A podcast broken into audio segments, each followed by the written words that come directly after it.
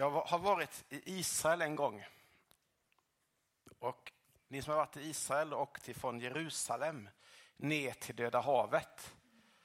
Ni vet att när man åker den vägen ner ifrån Jerusalem ner till Döda havet så är det en väldigt brant väg.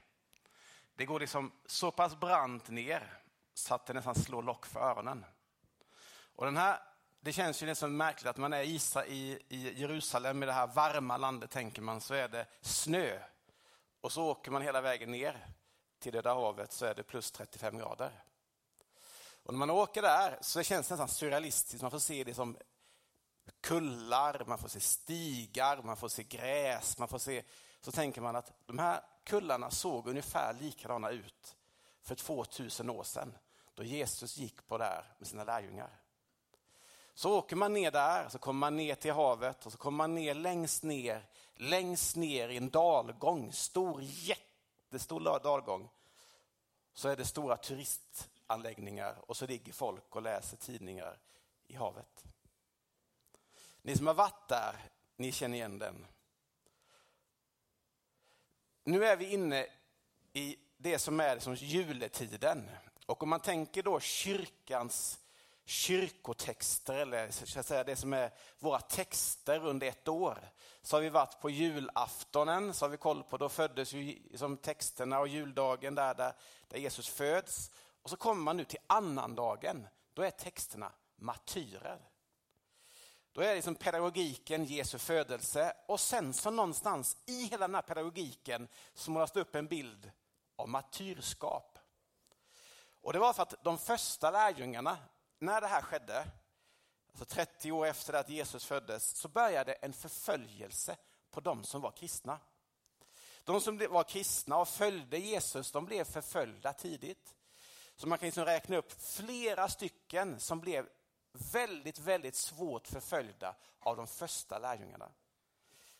Petrus, Paulus som en av de första stora som kom till tro. Alla de här blev, så att säga, någonstans förföljda för sin kristna tro. Och den vi, den vi kan lyssna på, det är någonstans är den allra största av, eller mesta författaren i Nya Testamentet, det är Paulus. Han var ju så att säga en av dem som ville förfölja Kristus. Ville förfölja hans lärjungar, ville förfölja de som kallades för vägen. Han var modisk i sina ögon. Och så ville han ändå förfölja Petrus, de som följde honom. Därför är vi inne i det som heter martyrerna någonstans i detta. Och i Apostlagärningarnas fjärde kapitel 18-21 så ska jag läsa några verser. Eh, och det är ett av, det är ju liksom en av de, den, den första beskrivningen av den kristna kyrkan efter att Jesus har lämnat dem. Så står det i Apostlagärningarna 4, 18-21. De kallade in dem och sa åt dem att aldrig tala eller undervisa i Jesu namn. Men Petrus och Johannes svarade dem, tänk efter själva om det är rätt inför Gud att lyda er mer än honom. Vi kan inte tiga med vad vi har sett och hört. Då gav, de då gav dem en ny sträng varning men släppte dem sedan. För folkets skull såg de ingen möjlighet att straffa dem. Alla prisade Gud för vad som hade skett. Kommer ni ihåg nu då martyrskapen? Förföljelsen. De kristna som blev förföljda. Lärjungarna som blev förföljda. Och så står det exakt så här. De kallade in dem och sa åt dem att aldrig tala eller undervisa i Jesu namn. Förföljelsen på de som var kristna, som hade valt att följa. Och I den här tiden så var det så pass tydligt till och med så att man så någonstans räknade ut, man liksom flyttade ut de kristna från den sociala kontexten. Och Det här är 2000 år sedan, men idag, i den här tiden just nu, där karenbaptisterna någonstans jobbar i Thailand, det finns samma sak som händer i den kontexten. Karenbaptisterna får i den delen inte äga eget land så enkelt. I, I Pakistan, där vi också har en systerkyrka som vi jobbar med, där får inte de kristna röra sig offentligt på ett sätt. Vi, vi kan gå till, till Kina eller till Indien där våra systerkyrkor hela tiden kämpar med att vara mitt bland människor som väljer att tro på Gud men inte offentligt får berätta om det. Här i Sverige har vi inte den utmaningen. Men det är en verklighet just nu. Så martyrskapet, martyrskapet eller martyrerna som finns i kyrkoårets texter för den här söndagen. Det som står här i Apostlagärningarnas fjärde kapitel, det är verklighet i vår värld idag. Och så står det i de sista verserna där i Apostlagärningarnas fyra, så, så, så, så står det När de slutat be så skakade marken. Och så säger de också precis innan där, vi kan inte tiga om det vi har upplevt. Vi kan inte tiga om det vi har sett och det vi har hört. Vi kan inte tiga om det som har berört våra liv. Jag vet inte hur ni har haft det nu i, i, i jul, men det är ju väldigt sällan som vi kan tiga om hur mycket god mat vi har ätit. Det är bara jag som har varit precis proppmätt hela den här helgen. Men vi berättar om kalvsylta och sill och skinka och julmust och godis, köttbullar. Vi berättar om det. det är, vi är fulla av matberättelser och berättar det för varandra. I alla fall har jag gjort det. Det är som att det, vi är fyllda av erfarenheter av julens olika delar. Vi är fyllda av julklappar, vi är fyllda av underbar gemenskap eller vad det nu kan vara. Eller vi är fyllda av ensamhet och kamp. Våra liv någonstans där vi är med om just nu, det kan vi ganska lätt berätta om. Och i deras sammanhang här, de, här, de första lärjungarna säger de, vi kan inte tiga om vad vi har upplevt. Vi kan inte tiga om det som Jesus har betytt för våra liv. Vi kan inte tiga om det som tron har förvandlat i mitt liv. För mig var det så här, att det har berättat om här i kyrkan tidigare, så jag kom till, till tro på några olika steg i mitt liv. Men allra tydligast tycker jag att tron i mitt liv blev tydligt på ett ensamt studentrum i Åre på Hollands folkhögskola. Där jag böjde mina knän och sa Gud kom in i mitt liv. Jag hade aldrig gjort det innan på ett sånt tydligt sätt. Böjt knä, bett Gud kom in i mitt liv. Jag hade upplevt, jag har gått på konfirmation och haft fantastiska sammanhang på det sättet. Men där och då förvandlades mitt liv fullständigt radikalt på många sätt. Och jag minns dagen efter så skulle jag berätta någonstans bara. Jag var så fylld av det jag hade upplevt och de som jag mötte fattade ingenting. Är ni knäppa tänkte jag. Här berättar jag om det som har förvandlat mitt liv och ni fattar inte. Och så finns det ett bibelord som säger så här, det hjärtat är fullt av, det talar munnen. Och lärjungarna säger, vi kan inte tiga om det vi har upplevt. Och För mig är tron, det är på många, många sätt, det är att liksom det som vi upplever här idag, det är att ta det ett steg till. Patrik berättade om hur vi kan vara med och stödja och hjälpa Ukraina på ett väldigt fint sätt. Jag har liksom verkligen inte tänkt på det sättet. Men att vi väljer att någonstans tänka efter hur vi lever våra liv här idag, det påverkar situationen för att supporta och hjälpa Ukraina. Och Det som vi inte kan tiga om i våra liv, vad är det? Vad är det som inte vi kan bara hålla inne om? Här kallar Jesus dig och mig att tänka, vad är tron för dig? Har tron landat i ditt liv så att du inte kan tiga om den? Och du måste inte alltid tala. Augustinus, en av kyrkofäderna, säger predika alltid och om nödvändigt använd ord. Vad kan du inte tiga om i ditt liv? Där sätter martyrerna en tydlig utmaning. Sätt tron högst så att du inte kan tiga om tron. När jag var ganska ny då i kristen så köpte jag på mig några bibel, sådana här små gideonitbiblar och hade med mig i min, i min, i min väska. Och sen så när jag åkte tåg eller jag, buss eller sådär så tänkte jag att ett sätt för mig att berätta om tron det är att jag alltid satt, när jag satt på tåget så, så la jag ett, en, en bibel i sätes, den här fickan, eller jag la det på bussen, eller jag la det någonstans sådär. För att bara jag ville så gärna dela med mig av det jag fått uppleva. Jag hade en tid då jag skrev för mig själv små korta bokstäver på handen. Bara för att påminna mig om tron och fylla mitt hjärta med tro. Jag skrev T och så när jag såg T så tänkte jag, gode Gud kom med tro.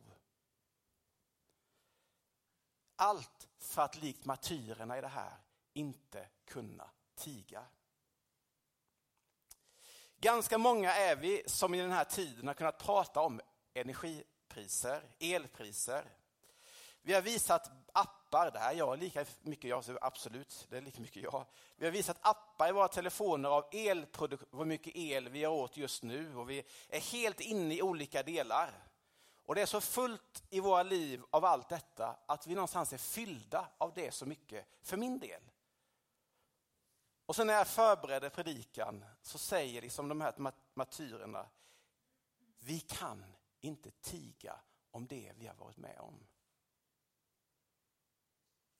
Det som hände för mig i det studentrummet, i det enkla rummet i mörker, det har förvandlat mitt liv. Jag hade inte varit pastor annars.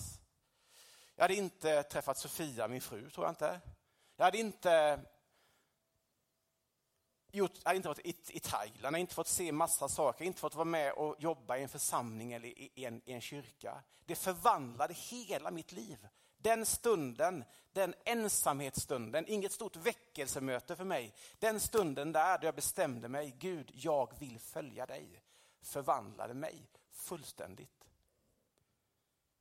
Och jag kunde inte tiga om det. Nu kommer vi in till den här bilden jag började med. Resan ner till Döda havet. Där, där det går ifrån vinter till väldigt, väldigt varm sommar. Man tänker ju, där, där känner ni till, men man tänker ofta att Döda havet inte har något friskt inflöde i och med att det är ett dött hav. Men det är precis tvärtom. Det har friskt inflöde, rakt in i havet. Det finns friskt, gott vatten in i havet, men det finns inget utflöde. Det finns så att säga friskhet, men inget utflöde. Därav det döda. Därav det som är dött, därav det som blir liksom bara salt Sen finns det säkert något som lever där, det kan jag inte svara på, men det är salt och det är farligt. Den bilden till tron, till våra liv. Om vi har friskt inflöde, vi har underbara sånger, vi har en god värld, eh, så mycket det, det, kan vara. Vi har en, en tro på Gud, friska inflöden. Men om vi inte tar det ett steg till och får utflöde så riskerar vårt hjärta att bli dött. Att bli svalt. Att tron inte ligger högt upp. Och vi kan tiga, för det står inte högt i våra liv. Resan ner för mig ifrån Jerusalem blev som en pilgrimsfärd. Jag, jag kunde ju den här berättelsen, jag visste det här med Döda havet, jag hade det med mig. Och när vi åkte resan ner så var det som att jag förberedde mig på att uppleva det döda. Men att också någonstans i mitt eget liv få påverkas och vara mitt i sammanhanget och lära mig på utflöde. Då bodde vi eh, det var jag och Ester och en, kompis till oss och hans, hans son. Vi bodde mitt på Västbanken i en kristen skola. En kristen skola som låg i Beit Jala eh, i, i, precis, precis vid en, en stor checkpoint. Där en kristen skola fanns mitt i den här kontexten och den här skolan fanns där som ett ljus mitt in i kampen. Där fick vi bo, fick vara, fick möta skolans elever och rektor och lärare och alltihopa. Och de fanns mitt inne i en kamp. Där det gång på gång var jättestora utmaningar. Så säger han rektorn till mig, tron kallar mig att vara just här. I den här kontexten. Det är mycket lättare för mig att vara rektor i Nasaret eller lättare för mig att vara rektor i, i, i, i någon annanstans. Men Gud kallar mig att vara rektor här på den här kristna skolan i Beit Jala. Gud kallar att leva ut. Vad kallar Gud dig att göra för att inte kunna tiga längre om det som Gud har gett sig själv i tron idag? För mig är det en jätteutmaning. Det är som en, mitt, vi lever i en tid som är så mycket det här, te, den här temat What's in it for me? Vad får jag ut av det? Vad får jag ut av att vara här? Vad får jag ut av det att vara där? Eller vad, vad får jag ut av att, att göra det? Vad får jag ut av att sköta det eller vad det nu kan vara? Vad, what's in it for me? Vad får jag ut av det? Här kallar Gud oss att tänka helt tvärtom. Gud kallar dig att ge av det du har fått i ditt liv och använda det här idag. Sköta ljudet, spela musik, leda gudstjänst, koka kaffe, städa. Vad det nu kan vara. För att få utflöde av det du har fått. När vi gör någonting för någon annan, om det är att servera mat på hela människan, om det är att, att vara scoutledare, om det är att vara fotbollstränare, om det är att, att stötta och hjälpa, vad det nu kan, kan vara någonstans. När vi gör någonting för någon annan utan att tänka what's in it for me? Vad får jag ut av det? Så övar vi på utflöde i våra liv. Och vi håller vårt hjärta friskt. Och då kommer vi till en sak till. Jag ska, ska läsa ifrån Mika bok som är en av texterna för den här söndagen. Mika bok kapitel 4 kapitel 7, vers 1-6. Och jag vill bara läsa några verser i början. Mika bok är några böcker, en